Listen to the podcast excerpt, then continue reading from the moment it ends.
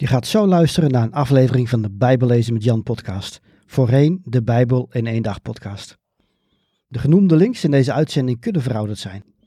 Kijk op bijbellezenmetjan.nl of in de omschrijving van deze aflevering voor meer informatie over hoe ik mensen en kerken kan helpen met het lezen, begrijpen en geloven van de Bijbel. Welkom bij de Bijbel in één dag podcast. Mijn naam is Jan Heijnen. Ik ben auteur van het boek De Bijbel in één dag. Ik geloof dat de Bijbel Gods woord is en dat we allemaal deel uitmaken van zijn verhaal. De Bijbel is ook een vreemd boek soms. Ik help christenen de Bijbel te lezen, te begrijpen en te geloven. Op de kun je het e-book De Bijbel in één dag gratis downloaden. Ook kun je de paperback bestellen of je inschrijven voor een van mijn cursussen of seminars.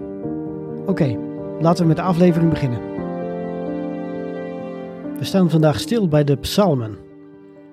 Psalmen betekent letterlijk aanbiddingsliederen. Het Bijbelboek Psalmen bestaat uit 150 gedichten en gebeden die op muziek zijn gezet. Dit is gebeurd ergens tijdens de periode van ballingschap van Israël en Juda. Het gaat om 150 gezangen die zijn verzameld en op papier zijn gezet. Ze komen uit allerlei verschillende tijdsperioden. Zo worden maar liefst 73 psalmen aan David toegeschreven. Maar er zijn ook gedichten van Mozes en Salomo opgenomen en verder psalmen van verschillende aanbiddingsleiders uit de tempel. Toch is van een derde van de psalmen niet bekend wie de auteur is. Eigenlijk zijn er twee soorten psalmen. Klaagliederen, waarin de mens het uitroept tot God, en lofliederen, waarin God wordt verheerlijkt. Als ik persoonlijk in een jaar of in twee jaar probeer door de hele Bijbel te gaan, dan lees ik de psalmen vaak in de pauzes op mijn werk. Dan lees ik telkens één psalm per keer. Maar dan hoef je namelijk niet 150 korte en lange gedichten achter elkaar te lezen. Maar toch is het goed om psalmen een keer op hoofdlijnen door te lezen. Dan zie je namelijk dat er in het begin veel meer klaagliederen dan lofliederen zijn. En naar het einde toe zijn er juist meer lofliederen dan klaagliederen. De meeste Bijbelvertalers delen het boek Psalmen weer op in vijf delen. In de NBG-vertaling van 1951 staat boven Psalm 1 Boek 1. Boek 2 begint bij Psalm 42, het derde bij Psalm 73, het vierde bij Psalm 90 en het vijfde bij Psalm 107. In de oorspronkelijke tekst wordt geen onderscheid gemaakt tussen vijf verschillende boeken. Vandaar dat de NBV-vertaling van 2004 bijvoorbeeld geen tussenkopies heeft met boek 1, boek 2 enzovoort. Toch helpt die indeling in vijf verschillende boeken ons wel om de grote lijnen te zien. Zo zijn de slotregels van elk psalmboek telkens iets in de trant van: Geprezen zij de Heer, de God van Israël, van eeuwigheid tot eeuwigheid. Een belangrijk doel van de psalmen is dus om ons te helpen God te prijzen, in goede en slechte tijden. Hoewel psalm 1 en 2 meestal tot boek 1 worden gerekend, vormen ze eigenlijk de introductie van 148 andere psalmen. Psalm 1 eert mensen die zich dag en nacht in de wet verdiepen. Met de wet wordt natuurlijk de Torah bedoeld. Torah betekent onderwijs, maar verwijst natuurlijk ook naar de eerste vijf boeken van Mozes: Genesis, Exodus, Leviticus, Numeri en dan het boek dat ik zo moeilijk vind om uit te spreken, Deuteronomium. De Torah bestaat dus uit vijf boeken en de psalmen bestaat ook uit vijf boeken. Daarom geven de psalmen een verdieping aan wat al wordt beschreven in de boeken van Mozes. Ze moeten ons helpen om ons al biddend aan Gods woord te houden. Natuurlijk niet alleen in de boeken van Mozes, maar Gods hele woord. Psalm 2 is een gedicht over de Messias, die uit de geslachtslijn van David zou komen. God geeft deze koning de heerschappij over alle volken en het kwaad zal worden weggevaagd. Gelukkig wie schuilen bij hem, zegt de psalmist aan het eind. Psalm 1 prijst de mens die zich aan Gods wet houdt. En Psalm 2 prijst de mens die op de door God gezalfde koning vertrouwt. Dat is eigenlijk de hele boodschap van het Oude en van het Nieuwe Testament. En de overige psalmen gaan telkens over deze twee thema's. Psalm 15 roept bijvoorbeeld op tot het vasthouden aan het verbond dat God met Israël heeft gesloten. Vervolgens zien we in Psalmen 16, 17 en 18 hoe David vertrouwt op God in moeilijke tijden.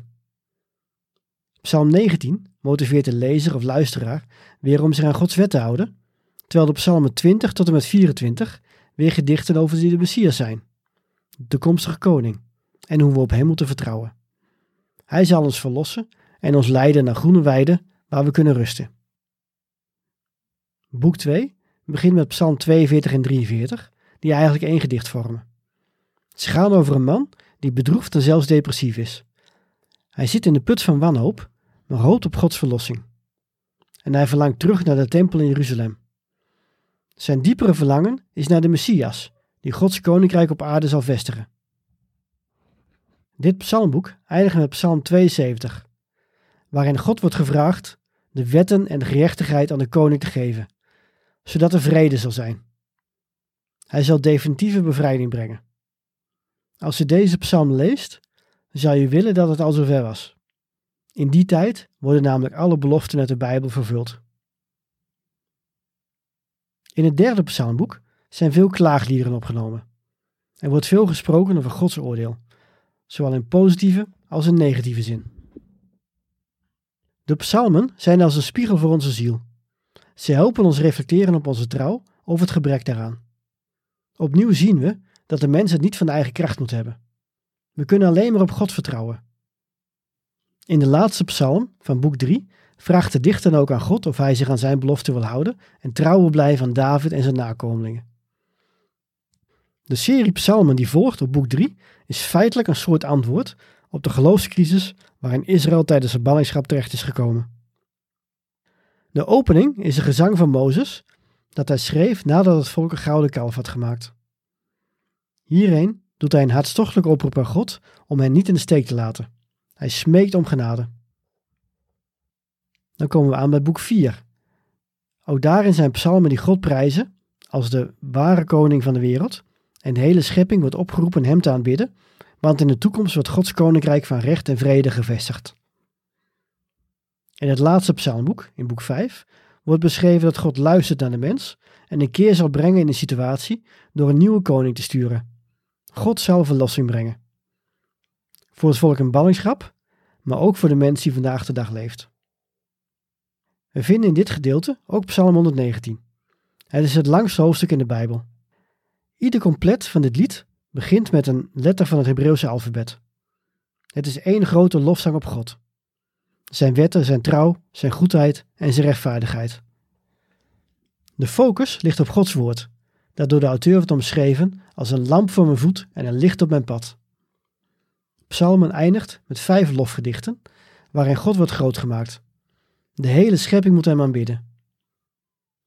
Zo wordt in de NBG-vertaling van Psalm 148 gezegd dat God voor zijn volk een horen heeft verhoogd. De NBV vertaalt het met het aanzien van het volk heeft verhoogd. Maar letterlijk er dus een horen. Deze horen is de horen van de stier die door een leger werd gebruikt om op te blazen als de overwinning was behaald. In deze psalm is de horen een symbool voor de overwinning van de Messias. Daarmee zijn we aan het eind gekomen van een rijke collectie gebeden die reflecteren op goed en kwaad, op hoop en wanhoop, geloof en ongeloof, trouw en ontrouw, oordeel en redding. We worden opgeroepen ons te houden aan Gods wet, zien dat we tekortschieten en beseffen dat alleen God de oplossing heeft. Die oplossing is een persoon, de gezalfde koning. In dat spanningsveld leven we nog steeds. We hebben hoop, maar we leven nog wel in een wereld vol duisternis, pijn en verdriet. We mogen ons daarover beklagen bij God. Tegelijk mogen we Hem aanbidden voor wie Hij is, voor wat Hij heeft gedaan en voor wat Hij nog gaat doen. In de volgende aflevering gaan we verder met de wijsheidsliteratuur. We bespreken dan het Bijbelboek Spreuken. Dit is een heel interessant Bijbelboek, want hierin vinden we allerlei krachtige, vreemde en soms ook grappige gezegden en one-liners. Maar ook interessante verhaaltjes.